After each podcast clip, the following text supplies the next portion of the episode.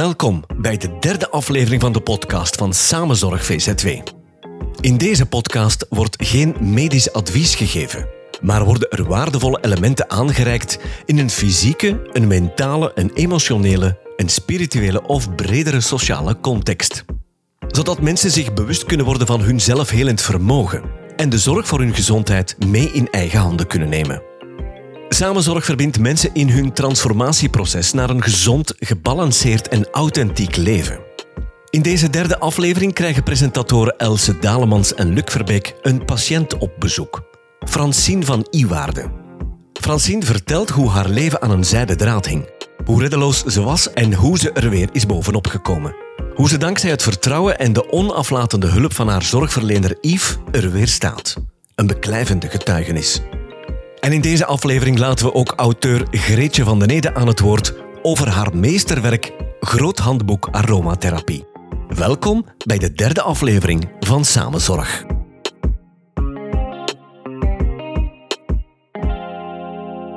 Dag Luc. Dag Else, goeiedag. We zijn hier vandaag om te luisteren naar Francine van Iwarde, die ehm, naar de studio gekomen is, helemaal uit Nederland, om haar verhaal te vertellen. Ik vind het ongelooflijk fijn. Ik zag die dame binnenkomen en ik was meteen geboeid door het verhaal. Ze komt ook van heel ver Mhm. en ik ben zo benieuwd naar haar verhaal. Van hoe ver kom je, Francine? Nou, nu heb ik denk ik meer dan 100 kilometer gereden. Oh ja. Dus dat betekent volgens mij dat je het echt wel belangrijk vindt om je verhaal te vertellen. Ik ga meteen met de deur in huis vallen. Wat maakt dat jij zo graag jouw verhaal wil vertellen? Het belangrijkste vind ik dat ik heb inderdaad heel veel achter de rug, maar ehm, ik was op een gegeven moment gewoon lichamelijk en daardoor ook wel een beetje geestelijk helemaal uitgeput. En niet een beetje, maar echt heel uitgeput. En ik heb anderhalf jaar op bed gelegen, tenminste op bed en op de bank. Eh, Echt heel veel. En zes tot acht uur slapen per dag. Zo uitgeput was ik. En ja, op een gegeven moment kreeg ik een mail eh, van Yves Verbeek. En ik was ooit wel eens een keertje eerder bij hem geweest, twee jaar daarvoor. En toen kreeg ik een mail vorig jaar. En, en toen had ik zoiets van of ik naar een lezing wilde komen. En toen dacht ik van oké, ja, nou vooruit, laat ik maar een keertje gaan. Laat ik maar kijken hoe het gaat. En het greep me toch zo dusdanig aan dat ik dacht van oké, ik wil nu toch weer opnieuw terug naar Yves. En daar ben ik nog steeds dankbaar voor, want hij heeft toch ervoor gezorgd dat ik ja, eh, binnen een aantal weken weer wat meer kon functioneren. En hoe vervelend ook, maar dat was me niet in het reguliere gelukt en ook minder in het alternatieve. Dus ja, ik, ik was enorm dankbaar en, en blij dat ik weer kon lopen. Naar de wc was al een probleem. Dan, alles deed pijn, heel mijn lijf deed pijn. Dus elke stap deed pijn. Naar de wc was al een ding. Naar bed terug opnieuw was een ding. Voor mijn eten zorgen, ja, denk daar maar niet aan. Dus ja, ik ben wel heel dankbaar dat, ik hem, dat hij mij opnieuw gecontracteerd heeft. Anders had ik er waarschijnlijk niet meer aan gedacht. Ik weet het niet. Maar goed, je weet niet hoe het gaat. Wat wil jij vertellen over hoe het voor jou zover gekomen is?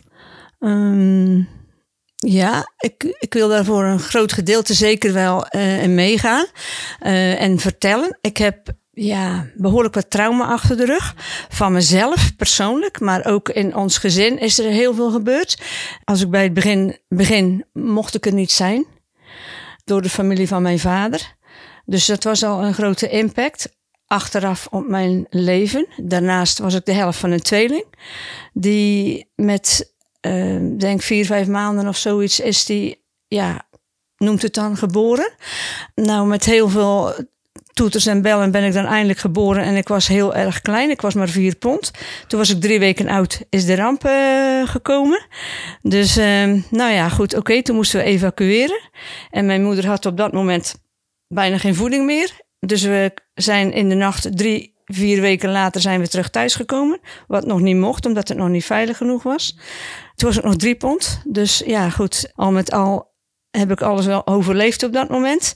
En toen ging het eigenlijk, nou, nadat ik wel goede voeding kreeg, ging het allemaal redelijk. Of tot goed. En ik denk dat ik een heel vrolijk kind was.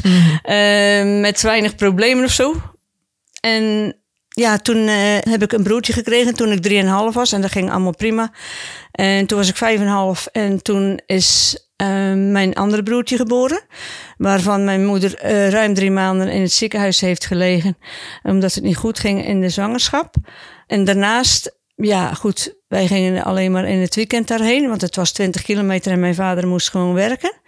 En toen is uh, langzamerhand eerst een beetje, ja, oké, ben ik door een buurman gevraagd of ik daar eens wilde komen, enzovoorts, enzovoorts. Nou, dus uitgedraaid op behoorlijk seksueel misbruik. Uh, van uh, meer dan negen jaar, of rond de negen jaar ongeveer, met van alles en nog wat erbij. Mm.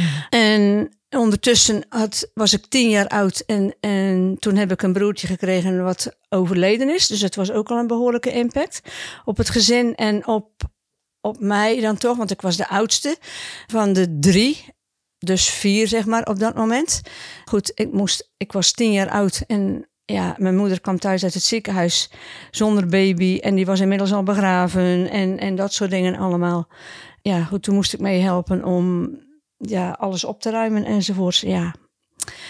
En daarna, uh, ruim een jaar later, was mijn moeder opnieuw zwanger uh, van mijn zusje. En die is uh, geboren, wat we, wat we toen nog niet wisten, maar behoorlijk beperkt. Mm -hmm. Door een fout, laat ik het zo zeggen.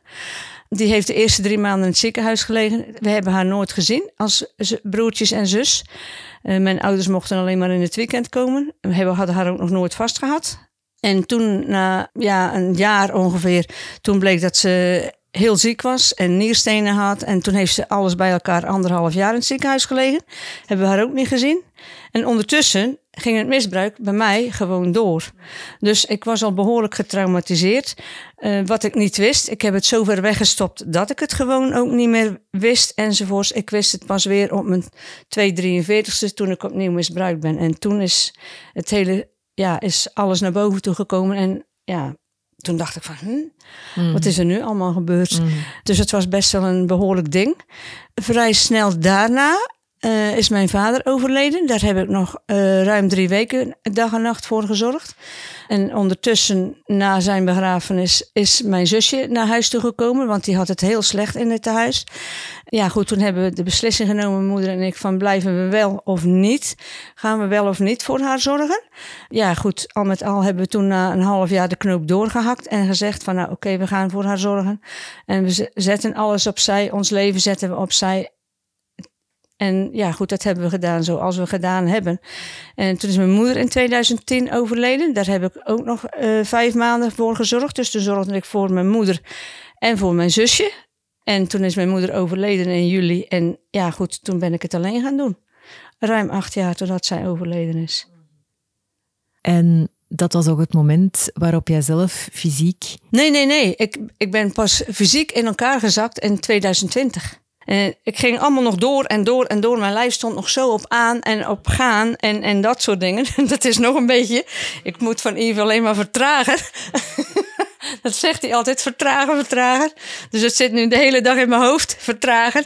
Dus uh, ja, goed, al met al ben ik toen in elkaar gezakt. En toen ging het nog verder en verder. En ik dacht van, niet aan, aan toegeven, niet aan toegeven.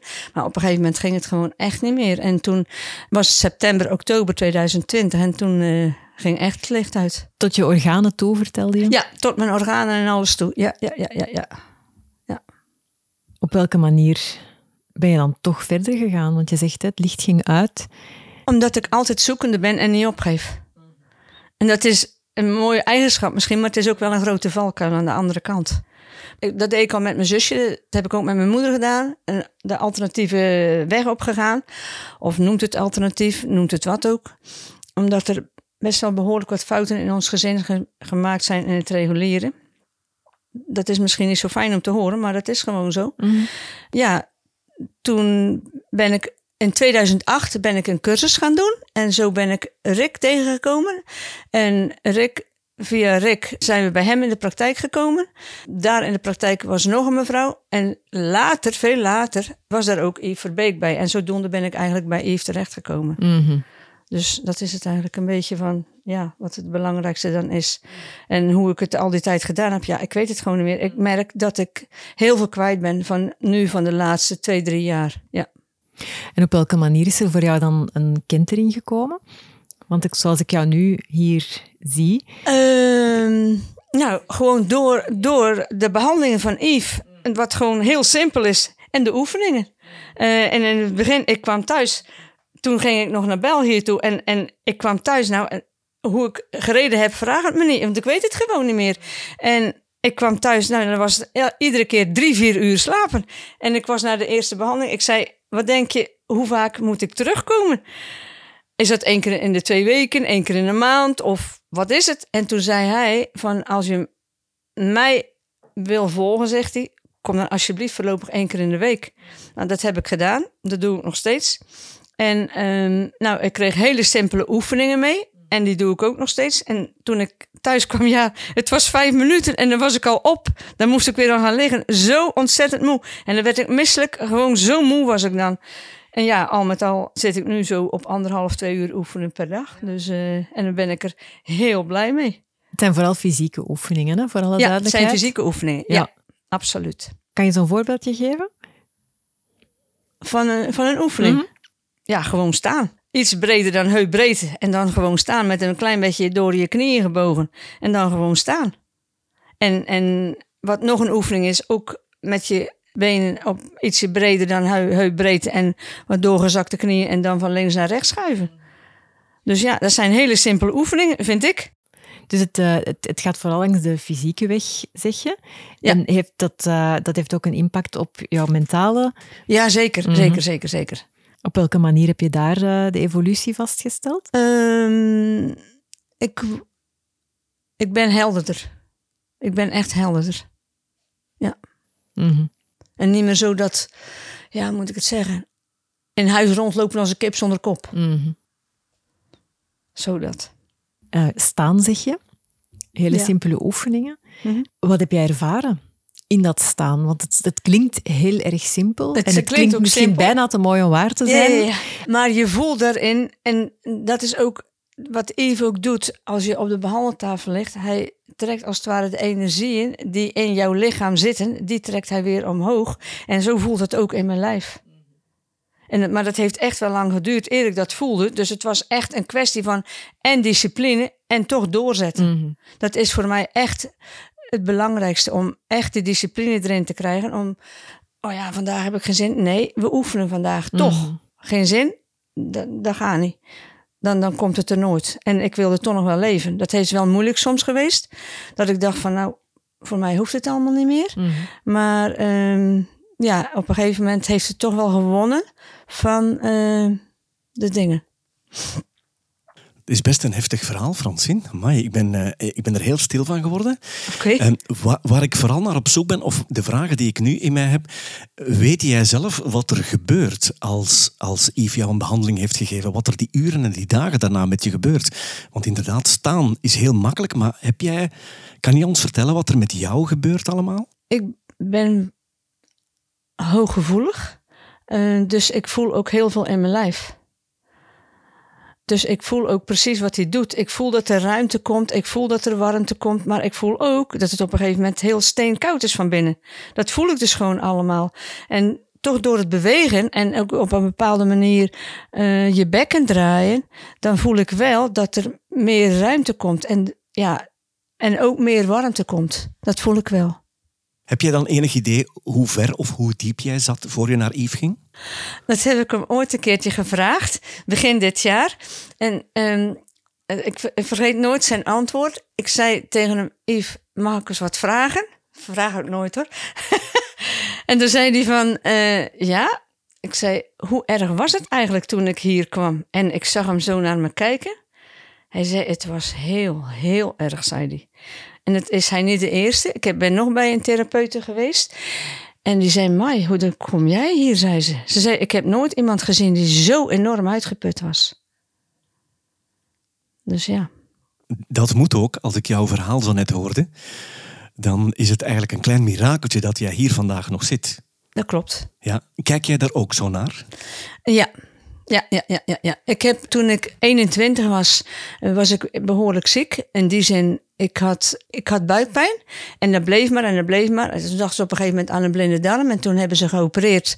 Ik ben s'avonds opgenomen met spoed. En ze hebben ze geopereerd. De volgende dag bleek er een hele grote tumor bij mijn blinde darm te zitten. Die kwaadaardig was. Dus um, toen bleek dat ik tegen een bepaald medicijn niet tegen kon. Toen heb ik een bijna doodervaring gehad.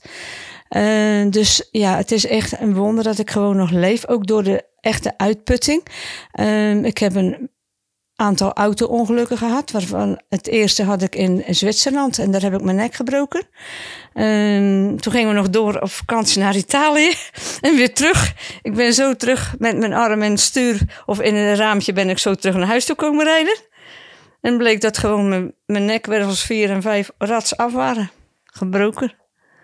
En zo ben ik nog thuis gekomen. En toen heb ik in Tilburg in het ziekenhuis gelegen voor een aantal weken. En toen in een corset. En het klinkt allemaal heel normaal voor jou, hè? Ja, maar ik weet ook niet beter, hè? ja, voor mij klinkt het ook alsof eh, je bijna het allemaal overleefd hebt om het te kunnen navertellen en om, om ja. voor een stukje ook om de, ja, die boodschap te brengen die je nu brengt.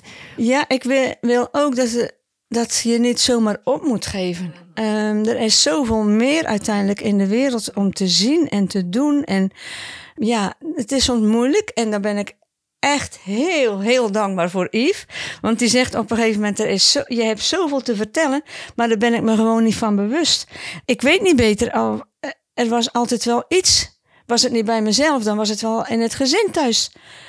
En ik ben er natuurlijk ook wel achter gekomen dat ik niet getrouwd ben, omdat ik zoveel in, ja, met het seksueel misbruik uh, meegemaakt heb. Ik denk dat ik op een natuurlijke manier of onnatuurlijke manier gewoon mannen afgewezen heb. En daar heb ik best wel last van gehad. Maar ja, goed, oké, het is zoals het is. En ik heb heel lang in het ziekenhuis gewerkt. En ja, op een gegeven moment had dat zo mijn ding niet meer. En nadat ik mijn nek gebroken had, ben ik daar gewoon afgekeurd. Want dat, dat ging gewoon niet meer, zeiden ze. En later heb ik nog wel twintig jaar voor mijn zusje gezorgd. En die heb ik altijd geteeld. dus ja, wat gaat er nu niet meer, hè? Mm en ik heb een verlamde arm gehad door uh, twee grote operaties. Maar goed, ja, ik dacht van, nou, dat gaat zo niet in, want die arm die hing er zo naast. Ik dacht, mm. wat is dit dan toch? Kon nog niet eens, die moest ik zo op de tafel leggen.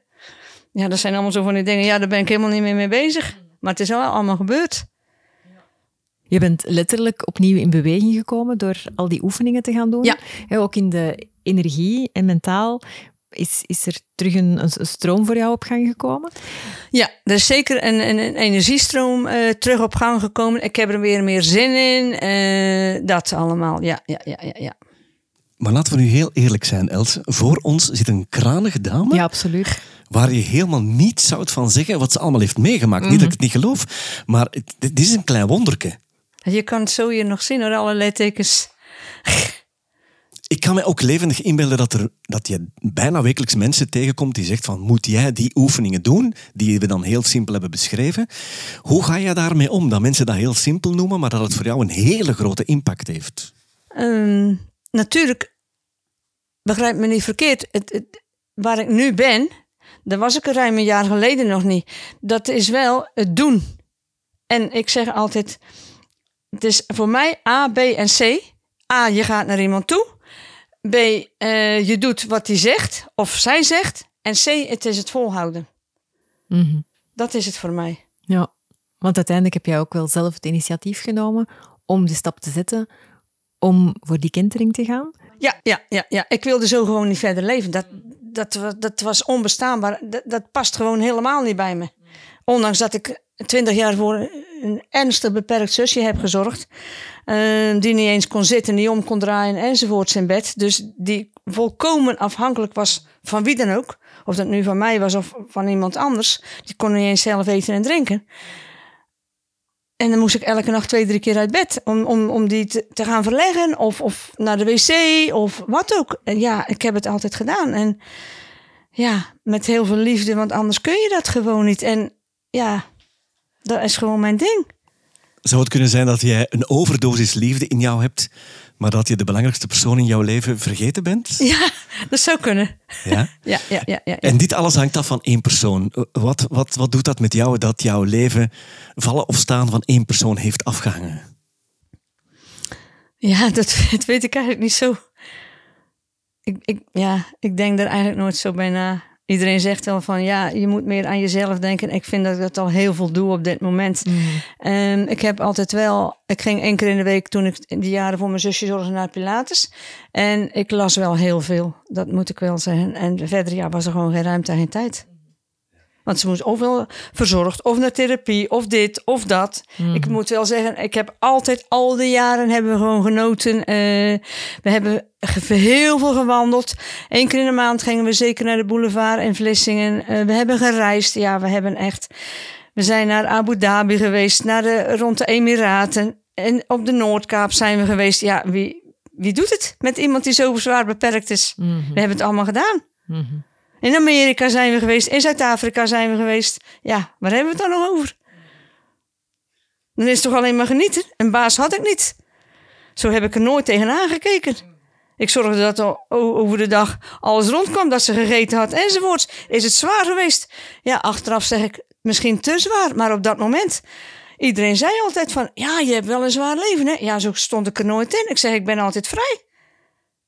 Ja, het is maar net hoe je ermee omgaat. En je bent nog steeds in behandeling? Ja. Doet nog steeds oefeningen? Ja, en dat blijf ik doen. Op welke andere manier sta jij nu in het leven? Beweeg jij je anders door het leven? Letterlijk, figuurlijk? Neem je andere beslissingen dan je voordien deed? Dat kun je natuurlijk nooit zo zeggen. Mhm. Of je andere beslissingen neemt. Ehm, ik ben me wel meer bewust van hoe snelheid ik had. dat was echt ongelooflijk. En nog, hè, ik moet me daar ontzettend uh, bewust van zijn van, oh, dat ik niet te snel loop en dat soort dingen allemaal. Dus dat is wel aan het veranderen, maar dat is echt, ja, als je 65, 66 jaar of nog langer zo'n zo'n tempo hebt gehad, ja, dan is het wel een lastige om toch uh, wat te vertragen. Mm. dus ja. Francine, vertel eens, hoeveel uren zijn er in een dag? 24. het lijkt alsof jij er 30 beschrijft. maar dat was ook zo. Weet je wat ik ook zo mooi vond, helemaal in het begin van je verhaal? Jij vertelde, het was of de reguliere geneeskunde of de alternatieve. Want dat was de enige keuze die er pakweg 20, 30 jaar geleden was. Natuurlijk had ik en-en gekund, maar het voelde voor mij gewoon niet meer goed. Het voelde voor mij echt niet goed. Kijk, mijn zusje is gewoon pure medische fout. Dat was niet nodig geweest als ze naar mijn moeder geluisterd hadden. Dus er is het al begonnen. Met mijn vader, die had kanker, had buikvlieskanker. Ze wilden hem niet geloven. Ja, hoeveel vertrouwen heb je dan nog? Bij mijn moeder exact hetzelfde. Ik bedoel, ik, in wezen is dit hier ook zo. Ik had al maanden buikpijn, buikpijn. Ja, ja, ja, weet je, maar het is niet erg genoeg. Het zal wel geen blinde darm zijn. En dan komt er zoiets tevoorschijn. Heb je dan een heel duidelijke keuze gemaakt?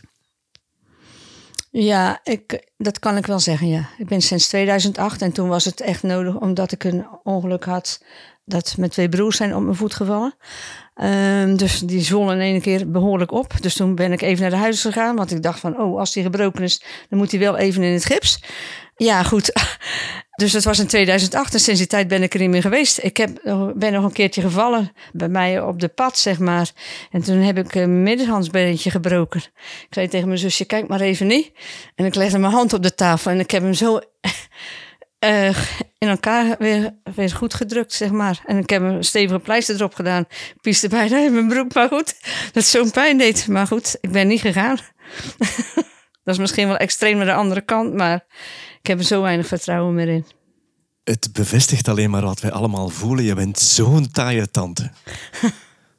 Vind je niet, Else? Ja, energiek. Nou, ik hoop andere mensen te motiveren en te inspireren. Dat hoop ik echt met dit verhaal. Ik was echt raadloos. Ik had al echt heel veel gedaan, ook op de alternatieven. En dan denk ik van ja, ehm, ben ik dan zo uitgeput? Ja, dat kon ik me ook niet voorstellen. Maar dat bleek dus achteraf dan wel zo te zijn. Maar ja, goed, ik denk niet dat iedereen zo uitgeput is als ik. Maar de mensen die uh, seksueel misbruikt zijn, ook daar denk ik dat dit. Ik had enorm veel beelden en heftige beelden.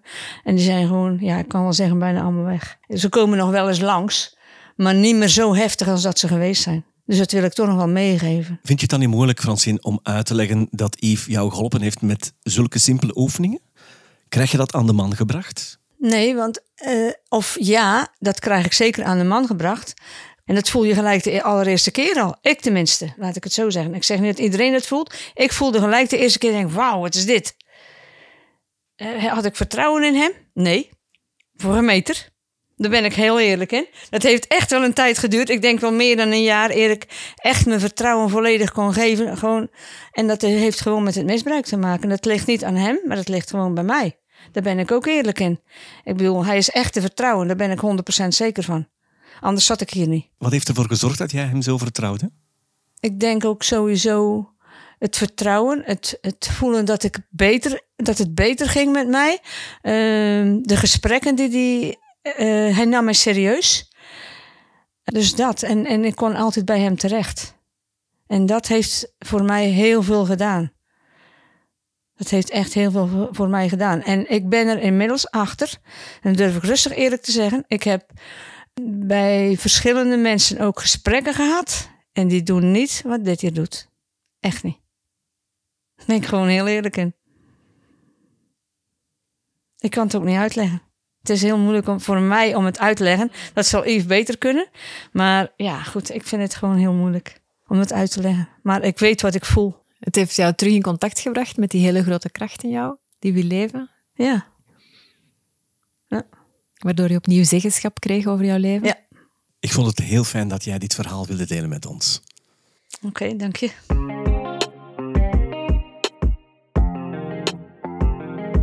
We hoorden Francine vol lof praten over Yves. Het is echter niet de bedoeling van Samenzorg om reclame te maken voor personen, maar om hoop te geven door ervaringen van echte mensen aan bod te laten komen. In een van de volgende afleveringen laten we zorgverlener Yves Verbeek zelf aan het woord. Wat is zijn visie op het proces van Francine? En hoe ervaart hij de stappen die Francine heeft gezet? En met welke visie gaat hij door het leven? Dat en veel meer hoor je binnenkort. In de podcast van Samenzorg kan je af en toe een waardevolle boekbespreking horen. Het boek past wellicht in een alternatieve of een holistische benadering van het leven zelf. Of het een perfect boek voor jou is, daar zul je zelf wel over oordelen. In deze aflevering praten Else en Luc met Greetje van den Nede en haar groot handboek voor aromatherapie. Dag Greetje. Hallo. Jij komt bij ons langs voor een bespreking van jouw boek, een van jouw vier boeken. Het exemplaar dat voor mij ligt is Groot Fuchsia. Het is echt een lijvig boek. Je hebt het geschreven samen met dokter Geert Verhelst. En het, uh, het heet Groot Handboek Aromatherapie. Ik wil er toch ook nog ineens bij vertellen wat er op de cover bij geschreven staat, omdat dat volgens mij al heel veel zegt. Mhm. Namelijk dat het een standaardwerk over aromatherapie is met zeer uitgebreide en praktijkgerichte receptuur en wel 120 monografieën over essentiële oliën. Even ter verduidelijking, voor je de eerste vraag stelt. Het is echt een heel groot boek, want volgens mij is het groter dan een A4-pagina. Ja, ik denk het is iets groter. Het is echt groot, dik en zwaar. Ja, 2,5 kilo. Fantastisch om in de handen te krijgen, toch? Inderdaad. Het is, het is uh, de dikste vriend om in huis te hebben, eigenlijk. Dus... Uh, ja, zo vind ik het uh, belangrijk om dat, om dat zo te zeggen, want het is eigenlijk iets uh, dat je in elk huis uh, gezien zou moeten hebben, als, net zoals iedereen een kookboek in huis heeft. Verklaar. Ja, um, Eigenlijk is het de bedoeling een beetje geschreven dat mensen, als ze klachten, symptomen hebben, dat ze lossen dat graag op een natuurlijke manier op, um, om hen daarvoor methodes en, en degelijke dingen aan te reiken. Er is veel in de handel van planten en, en, en extracten van planten. En essentiële oliën steken daar een beetje uit, omdat essentiële oliën zeer sterk zijn en je maar een heel klein beetje nodig hebt om een, uh, een efficiëntie te bereiken, om dus een resultaat te bereiken. Het is eigenlijk een, een, een zeer natuurlijke manier om, om klachten aan te nemen, aan te pakken, om daarmee om te gaan. Um, zeker in, in, in deze tijden waarin mensen ook niet zo graag dadelijk naar de dokter lopen, bijvoorbeeld. Of, en ja, niet iedereen doet dat ook. Uh, het, is, het is handig om, om, om iets in huis te hebben waar je, je kan raadplegen om um, toe te passen bij bepaalde symptomen. En dan ook te weten dat de, de essentiële olie, de recepten die daarin staan, dat die wel degelijk wetenschappelijk onderbouwd zijn, dat die, de efficiëntie daarvan onderzocht is Mhm. en dat die recepten daarop gebouwd zijn. Dus je weet, als je die dingen toepast, dat je resultaat zal hebben. De kwaliteit van de olie, zei je, ook daar hechten jullie veel belang aan. Er is Ja. een, een, zelfs een, een stuk van het boek gewijd daaraan. Ja, ja, dat is heel belangrijk. De kwaliteit van de essentiële oliën, daar staat of valt het gebruik mee. Als je een, eh, een, een, een goedkope kwaliteit neemt, of namaak, er is heel veel namaak natuurlijk in, in, in allemaal dezelfde flesjes met eh, doorschijnend bijvoorbeeld, of waar de wetenschappelijke naam niet op vermeld staat, of het chemotype niet op vermeld staat. Er is zoveel in de handel. Daarom vonden wij het belangrijk om op een heel duidelijke manier in het boek aan te geven waar moet je nu op letten als je gaat shoppen. Of je nu in de winkel gaat shoppen of online, dan kan je overal eh, bekijken natuurlijk die flesjes. Wat moet daarop staan? En dat is toch wel goed. Eh, belangrijkste om te weten is ook dat die eh, een biologische certificering, dat dat al een heel groot voordeel is, want dan ben je al bijna zeker dat het een degelijke olie is, dat het een degelijke essentiële olie is. Zijn er nog zaken waar mensen moeten op letten bij het gebruik van die olie? Ja, het is zo dat het niet zomaar ehm, neem maar een flesje en doe maar wat. Dat, dat hebben we ook enorm benadrukt in het boek. Het zijn krachtige spullen. Als je Mhm. weet dat voor, eh, voor, voor eh 10 milliliter flesjes, de flesjes zijn meestal 10 milliliter, dat daar honderden kilo's voor nodig zijn om dat te bereiken, dan weet je, dat is niet een tasje thee dat je dan, eh, dat je dan in je handen hebt. Het is heel krachtig spul. En essentiële oliën hebben ook wel nevenwerkingen natuurlijk. En ik bedoel nevenwerkingen als je ze verkeerd gebruikt. Je kan irritatie op je huid hebben eh, als je bijvoorbeeld een, een olie zoals kruidnagel op je huid zou doen of kaneel rechtstreeks op je huid zonder verdunning, dan heb je blaren of, of dan krijg je uitslag. Je kan ze ook niet zomaar innemen. Daar moet je ook eh, voldoende voorzorgen voor nemen. Maar er zijn een aantal de meeste oliën die aangeraden worden in de EHBO, in de eerste hulp bij ongevallen. Daar staat ook een hele pagina over in het boek. Die oliën die zijn eigenlijk veilig te gebruiken. En de eerste waar dat ik aan denk is eh, echte lavendel. De Lavandula angustifolia. Dat is eigenlijk een allround olie waarmee je eigenlijk een, eh, een hele eerste hulp in huis hebt. Als je één olie zou moeten kopen, dan zeg ik, begin daarmee. Begin met één olie, een klein beetje, en ga daarmee aan de slag. Begin ervaringen op te doen en dan ga je zien hoe snel je verkocht bent om Ja. essentiële olie te gaan gebruiken. Ja. En dan om op die manier jouw huisapotheek aan te maken. Ja, inderdaad. Een hele huisapotheek. Ja, wij hebben eigenlijk altijd in huis eh, een aantal... Ja, ik heb er natuurlijk heel veel. Maar ook als we op vakantie gaan bijvoorbeeld, dan heb ik mijn zakje bij met een aantal essentiële oliën in. En meer heb ik niet bij. Ik, ik heb geen antibiotica nodig. Ik heb geen, niets nodig voor de diarree. Ik heb niets nodig voor de hoofdpijn. Het zit allemaal in mijn doosje met essentiële oliën. Ja. Want als je die klachten opnoemt, dat is ook een van de insteken van het boek. Je kan ook echt gaan kijken achteraan welke klacht je hebt en die verwijst jou dan naar... Het juiste recept. Ja. Ja, het is, achteraan is er een, een groot repertorium met honderden klachten, van aanbijen tot zona, zal ik Mhm. zo maar zeggen. En daar kan je gaan opzoeken hoofdpijn bijvoorbeeld, of griep, of eh, andere zaken. En dan verwijst het naar een bladzijde bij de recepten. En de recepten zijn ook opgedeeld in in, in stelsels, dus het ademhalingsstelsels, staan alle recepten bij elkaar. Als je niet exact het juiste zou vinden wat jij aan de hand Mhm. hebt, dan kan je in het stelsel nog gaan kijken. Hè. Een hoest, is het een, een vlotte hoest, een, een droge hoest? Hè? Dat staat er natuurlijk wel in allemaal. Maar stel dat je echt iets zou zoeken dat er niet in staat, je stuurt dan een mailtje naar mij, dan kunnen we dat aanpassen. Ja. Maar dan vind je in het stelsel eigenlijk wel eh, bepaalde recepten die ook voor jouw klacht geschikt zijn. Ja. Ja. en die daarbij aansluiten. ja, die daarbij aansluiten.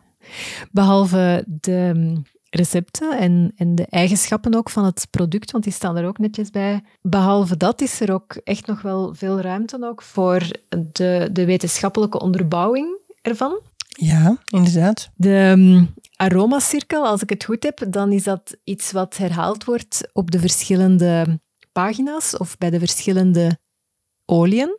Ja. Wat is dat precies? Die aromacirkel die is er gekomen om een visueel beeld te hebben van welke olie hebben we nu, welke plant en welke essentiële olie hebben we hier voor ons? Is het een olie die eerder stimulerend werkt of eerder uh, kalmerend werkt? Maar het belangrijke is, er zijn vier kwadranten in die cirkel. Je hebt het antispasmodisch, uh, je hebt het uh, desinfecteren van de ruimte, je hebt anti, allee, tegen de bacteriën en, en, de virussen. Um, je, hebt daar, je hebt daar vier kwadranten in. En naar gelang de cirkels die afgebeeld zijn in welk kwadrant, dan ga je zien welke olie, welke eigenschappen die olie eigenlijk vooral vertoont. Want het is niet evident. Planten die zijn vaak op verschillende vlakken actief. Niet alleen maar op één. Hè. Het is niet zoals een gewoon medicijn. Een pijnstiller stilt de pijn klaar. Mhm. Maar als we zien bij essentiële oliën, er zijn pijnstillende oliën die ook zeer effectief zijn naar, naar bacteriële werking, bijvoorbeeld, die ook bacteriën gaan doden. Dus, dus het is niet zo evident om daar een keuze in te maken in welk kwadrant dat bepaalde inhoudstoffen dan thuis horen. Want hier gaat het wel degelijk over de inhoudstoffen van die oliën. En naar gelang hoe groter die, die cirkel is in een bepaald kwadrant, hoe belangrijker die bepaalde werking van die moleculen. We gaan nu wel heel technisch en heel chemisch, uh, maar mensen die wat meer achtergrond hebben van de chemie, die gaan daar ook wel meer aan hebben eigenlijk. Ja, en het wordt visueel ook wel duidelijk voorgesteld, hè? zoals je zegt, met die grotere uh, stippen uh, en de verschillende kleuren die jullie gebruiken. Dus op die manier wordt het ook wel visueel meteen veel duidelijker. Um, daarnaast geven jullie ook nog een aantal ja, weetjes, is misschien wat uh, onrespectvol uitgedrukt, of klopt het? Wat achtergrondinformatie bij de verschillende oliën ook? Ja, de botanische, ja, de botanische van de planten zelf eigenlijk. Uh, botanische informatie, waar ze vandaan komen, um, in de, in de waar ze voor bekend staan in de, van vroeger al voor hun gebruik.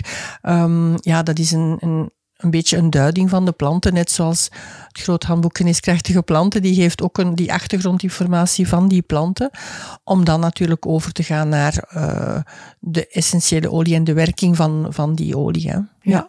er staan zelfs verwijzingen naar recepten in, zie ik. En dat je hyssop kan gebruiken om soep op smaak te brengen, lees ik hier bijvoorbeeld. Ja, hyssop, maar dan hebben we het over de plant hyssop, om soep op smaak te brengen. En dan, dat is misschien wel goed om te vermelden, het is niet zo omdat een, bepaal, een plant een bepaalde werking heeft, dat we dat zo kunnen relateren dat die essentiële olie ook dezelfde werking heeft. Hè. We moeten zeker en vast uh, onderscheid maken dat we daar, een essentiële olie is soms is altijd veel krachtiger, maar soms zitten daar elementen in, bepaalde moleculen, die enkel maar tevoorschijn komen na distillatie. Ah, ja. Dus dan hebben we het over, de, allee, over bepaalde moleculen. Hè. Mhm. Mij geeft het de indruk dat dat soort van dingen heel overzichtelijk wordt uitgelegd, ook heel helder blijft wanneer het over de plant gaat, wanneer het over de olie gaat. Ik las hier en daar een recensie over jouw boek. Het wordt de standaard schreef Johan Denis, zag ik, de standaard, het referentiewerk voor elke natuurkundige die iets wil opzoeken over aromatherapie. Als ik het hier zo voor mij zie liggen, dan ziet het er in elk geval zo uit. Het nodigt heel erg uit ja, om mee aan de slag te gaan. En omdat het ook zo praktisch is opgebouwd. Ja, dat is fijn om te horen. Ik kreeg vorige week nog iemand die, uh, die uh, een, een mailtje stuurde of op Facebook iets uh, repliceerde. En die zei, ik wil wel waarschuwen, als je erin begint te lezen, je bent dadelijk enkele uren verder en je stopt niet meer. dus zo, zo uit, dat het zo uitnodigend en zo leuk is om erin te lezen. Was het een wetenschapper? Nee, dat was gewoon iemand die geïnteresseerd is in aromatherapie. Omdat ik net het begin, bij, het begin van het boek heb opengeslagen omdat daar ook heel veel wetenschappelijke onderbouwing vermeld staat. Hè, hoe allerlei, uh, zijn het bestanddelen? Bestanddelen, moleculen. Ja. Ja. Dus ook daar uh, wordt heel veel aandacht aan besteed, zeker. Ook de bijwerkingen en zo. Ik zit hier al tien minuten met open mond, heel geboeid te luisteren. En ik merk nu, Greetje, dat het enerzijds de ver van mijn bedshow is, maar anderzijds moet ik toegeven dat ik heel erg geïnteresseerd ben. Herken je dat vaker bij mannen? Uh, bij mannen of bij mensen in het algemeen. Oké. Okay. Uh, er zijn vaak wel mensen geïnteresseerd, maar ze weten niet hoe ze er moeten aan beginnen. En ze zeggen, ja, het is wel leuk, maar ten eerste, werkt dat wel? Is het veilig? Hè? Want, en daarom dat we ook eh, voldoende uitleg daarbij geven. Je kan niet zomaar bij iedereen en alles uh, en elke olie inzetten. Um, hoe moet ik daaraan beginnen? En vandaar ook de raad die ik geef om met, met één essentiële olie te beginnen. En je, je kan die monografie naslaan, je kan lezen waar ze goed voor zijn. En je begint met een enkele kleine receptjes daarvan. En je gaat zien ja, hoe snel dat je reactie hebt, hoe snel dat je resultaat ook hebt en, en hoe fijn het is om daarmee te werken. Want de geur is natuurlijk, het is niet alleen de werking, maar de geur is ook heel fijn in huis. Gewoon om een bepaalde geur in huis te hebben. Uh, want gewoon inhaleren, die, vernevelen in, in, in de lucht, in de kamer waar je bent, uh, of het nu een slaapkamer of een woonkamer of studeerkamer is, um, ja, maar ook in een praktijk, in, kan in een tandartsenpraktijk, in een ziekenhuis, in een crèche, in, in, overal in, in een rusthuis. Uh, overal kan je die essentiële olie inzetten met, met zeer mooie resultaten. Dus gewoon vernevelen, dat is de makkelijkste manier voor mensen die zeggen, het is een ver van mijn bedshow, ik weet niet hoe dat ik daar moet aan beginnen. Um, dan kan je best gewoon een verstuiver aanschaffen, één olie, en je, en je begint eraan. Of gewoon een olie druppelen op een doekje. Uh, dat is de, eigenlijk een zeer efficiënte manier om daarmee aan de slag te gaan. Dat het boek heel duidelijk onderbouwd is, dat valt meteen op. Want ik, had, ik zei daar straks al, het is een lijvig boek, maar ik merk ook dat het een, een kleine druk is. Dus de lettertjes zijn bijzonder klein op sommige momenten. Dus ik ben ervan overtuigd dat het heel, heel goed onderbouwd is. Het is inderdaad zo, voor de recepten heb ik mij gebaseerd op uh, wetenschappelijk onderzoek. Ik was heel blij om te zien hoeveel onderzoek er de laatste 10, 15 jaar gebeurd is over, uh, met essentiële oliën. Ten opzichte van, ik ben er al tientallen jaren mee bezig en 30 jaar geleden dan, dan ja, was er nauwelijks onderzoek daarover. Maar dat staaft natuurlijk de, de, de aloude toepassingen die gekend zijn, vooral vanuit Frankrijk. Ik volg de Franse uh, strekking een beetje. Uh, de toepassingen die, die men van daaruit deed, uh, worden nu eigenlijk bevestigd door dat wetenschappelijk onderzoek. En dat is fijn. Ik vind dat ook belangrijk om dat een beetje te onderbouwen. Want je leest ook soms wel heel veel, doe maar een beetje van dit en doe maar een beetje van dat. En, en ja, dat willen we uiteraard niet. We willen ook een beetje degelijke dingen neerzetten. Vandaar ook dat we de referenties van niet alle wetenschappelijke onderzoeken die ik geraadpleegd heb, maar een heel aantal achteraan in het boek hebben opgenomen. Mensen die dat kunnen nakijken, die kunnen dat zeker doen. En een tweede punt waarvoor die wetenschappelijke onderbouwing zeer belangrijk is, en dat is weer, weer een beetje een taboe dat ik doorbreek, dat is eigenlijk het gebruik van aromatherapie bij zwangere vrouwen en voor baby's.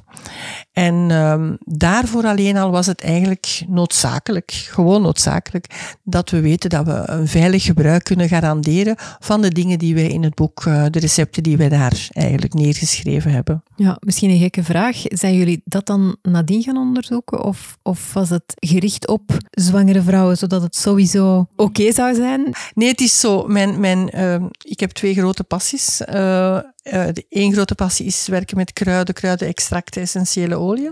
De andere passie is werken met uh, zwangere vrouwen, mensen met een kinderwens en naar die zwangerschap toe. En um, uiteraard heb ik in dit boek een apart hoofdstuk opgenomen uh, voor die doelgroep uh, zwangere vrouwen, maar ook vooral ook voor uh, ik werk heel veel met vroedvrouwen samen. En voor hen is het ook niet altijd duidelijk, kunnen we het wel gebruiken? Mogen we het gebruiken? Wat is nu verantwoord? Is het niet gevaarlijk? Enzovoort, enzovoort. En ja, ik ik heb dat nu hiermee een beetje willen doorbreken, door dit op deze manier heel duidelijk te stellen. Wat hier staat, is veilig voor alle recepten, maar dan moet je natuurlijk de inleiding ook lezen. Uh, zien welke toepassingsvormen, met welke uh, olie je doet, je kan doen. Um, nooit onverdund, behalve een aantal dingen. Lavendel bijvoorbeeld kan, tea tree en, en strobloem, dat zijn drie oliën die je wel onverdund kan toepassen. Maar over het algemeen is de regel om toch wel essentiële olie te verdunnen als je die op de huid zou aanbrengen. Dus uh, als je de inleiding leest, dan ben je op de hoogte van wat kan en wat niet kan. Dus dat is toch wel nodig ook nog. Ja, niet alleen zo een receptje opzoeken, je moet eerst eventjes die eerste puntjes in de inleiding lezen. Ja, ja toch de nodige achtergrond meenemen. Ja. Uh, want inderdaad, de recepten zien er ook heel aantrekkelijk uit. Mijn oog viel daarnet op het uh, fruit ijsje. Dat zou dan iets zijn waarvan ik dan denk, oh ja, dat zou leuk zijn om eens te maken zonder meer. Ah, ja, oké, maar ja, dat is in het hoofdstuk van uh, kanker, denk ik, hè? Ja, inderdaad. Ja, dat is voor kinderen. Ja, ja, we hebben ook de zwaardere onderwerpen erin ja. durven nemen. Ja. Uh, mensen die last hebben van chemo, ook, ook kinderen bijvoorbeeld. Daar kan, ook daar kan je dingen mee, mee doen om het een beetje aangenamer te maken. Hè? Wat is voor jou de aanzet geweest om dit boek te schrijven? Liefde voor kruiden zeker en vast, maar ook um, de passie om dingen door te geven. Ik heb het zelf doorgekregen als kind bij ons thuis. Mijn moeder werkte met kruiden. Dat, dat was wat we deden. Een verkoudheid en dan werd er iets uh, op het vuur gezet met vijgen, citroen, een ramanas siroop gemaakt. Hè. Ik was dat zo gewoon. En met later ouder te worden en zelf kinderen te hebben, merkte ik dat heel wat mensen, en ik zelf ook, daar nog meer verdieping in konden gebruiken. En uh, doorgeven is voor mij een heel belangrijk ding. Zorgen dat mensen uh, autonoom voor zichzelf kunnen zorgen. Uh, er is zoveel in de natuur beschikbaar. Ik heb een enorm respect voor wat de natuur ons allemaal geeft. Er is zoveel beschikbaar in de natuur. Laat ons daar gebruik van maken. Mag ik stellen dat jij helemaal geen kruidenvrouwtje of vrouw bent, maar een kruidenicoon? Ja, ik weet niet dat je dat aan mij, misschien aan anderen moet vragen, maar ik, uh, ja, ik, uh, het is mijn passie en meer dan mijn passie. Misschien kan je het zo wel noemen, ja. Als ik het boek zie en hoe het afgewerkt is en als ik jullie bezig hoor, dan denk ik, ja, dit is echt een, uh, een groot werk, zoals je terecht zegt, dat iedereen in huis zou moeten hebben. Ja, zeker. Maar ook met veel dank aan uh, Geert Verelst. Want ja, we hebben natuurlijk heel nauw samengewerkt daarmee. Uh, samen. En we hebben allebei zeer hard gewerkt om, om dit boek op deze manier eigenlijk te kunnen aanbieden aan, aan mensen die daar echt in geïnteresseerd zijn. Dus uh, heel fijn om, om, om dat samen te kunnen doen. Want alleen was dat nooit gelukt natuurlijk. Hè. Heel erg bedankt voor jouw uitleg, jouw bespreking. Ik vond het heel erg boeiend om dit mooie boek met jou even onder handen te mogen nemen. En ik kan lezers alleen maar aanraden om het, uh, om het in huis te halen. Graag gedaan. Mensen kunnen ook een preview downloaden op groothandboekaromatherapie.com. En dan kunnen ze een aantal bladzijden inkijken. Dat is misschien ook handig om, om gewoon eens te doen. En uh, daar, gaan, daar staan ook enkele filmpjes op waar ik wat meer uitleg geef. Als mensen het ook eens visueel willen bekijken. Dus dat kunnen ze ook eens gaan, uh, gaan opzoeken natuurlijk. Hè. Misschien nog even om af te ronden jouw website, want dat is de plaats waar jouw boek ook verkrijgbaar is. Ja, uh, het boek is natuurlijk overal verkrijgbaar. Maar via mijn website kan je ook die, die dingen zien. natuurbalans.be Dank je wel. Dank jullie wel.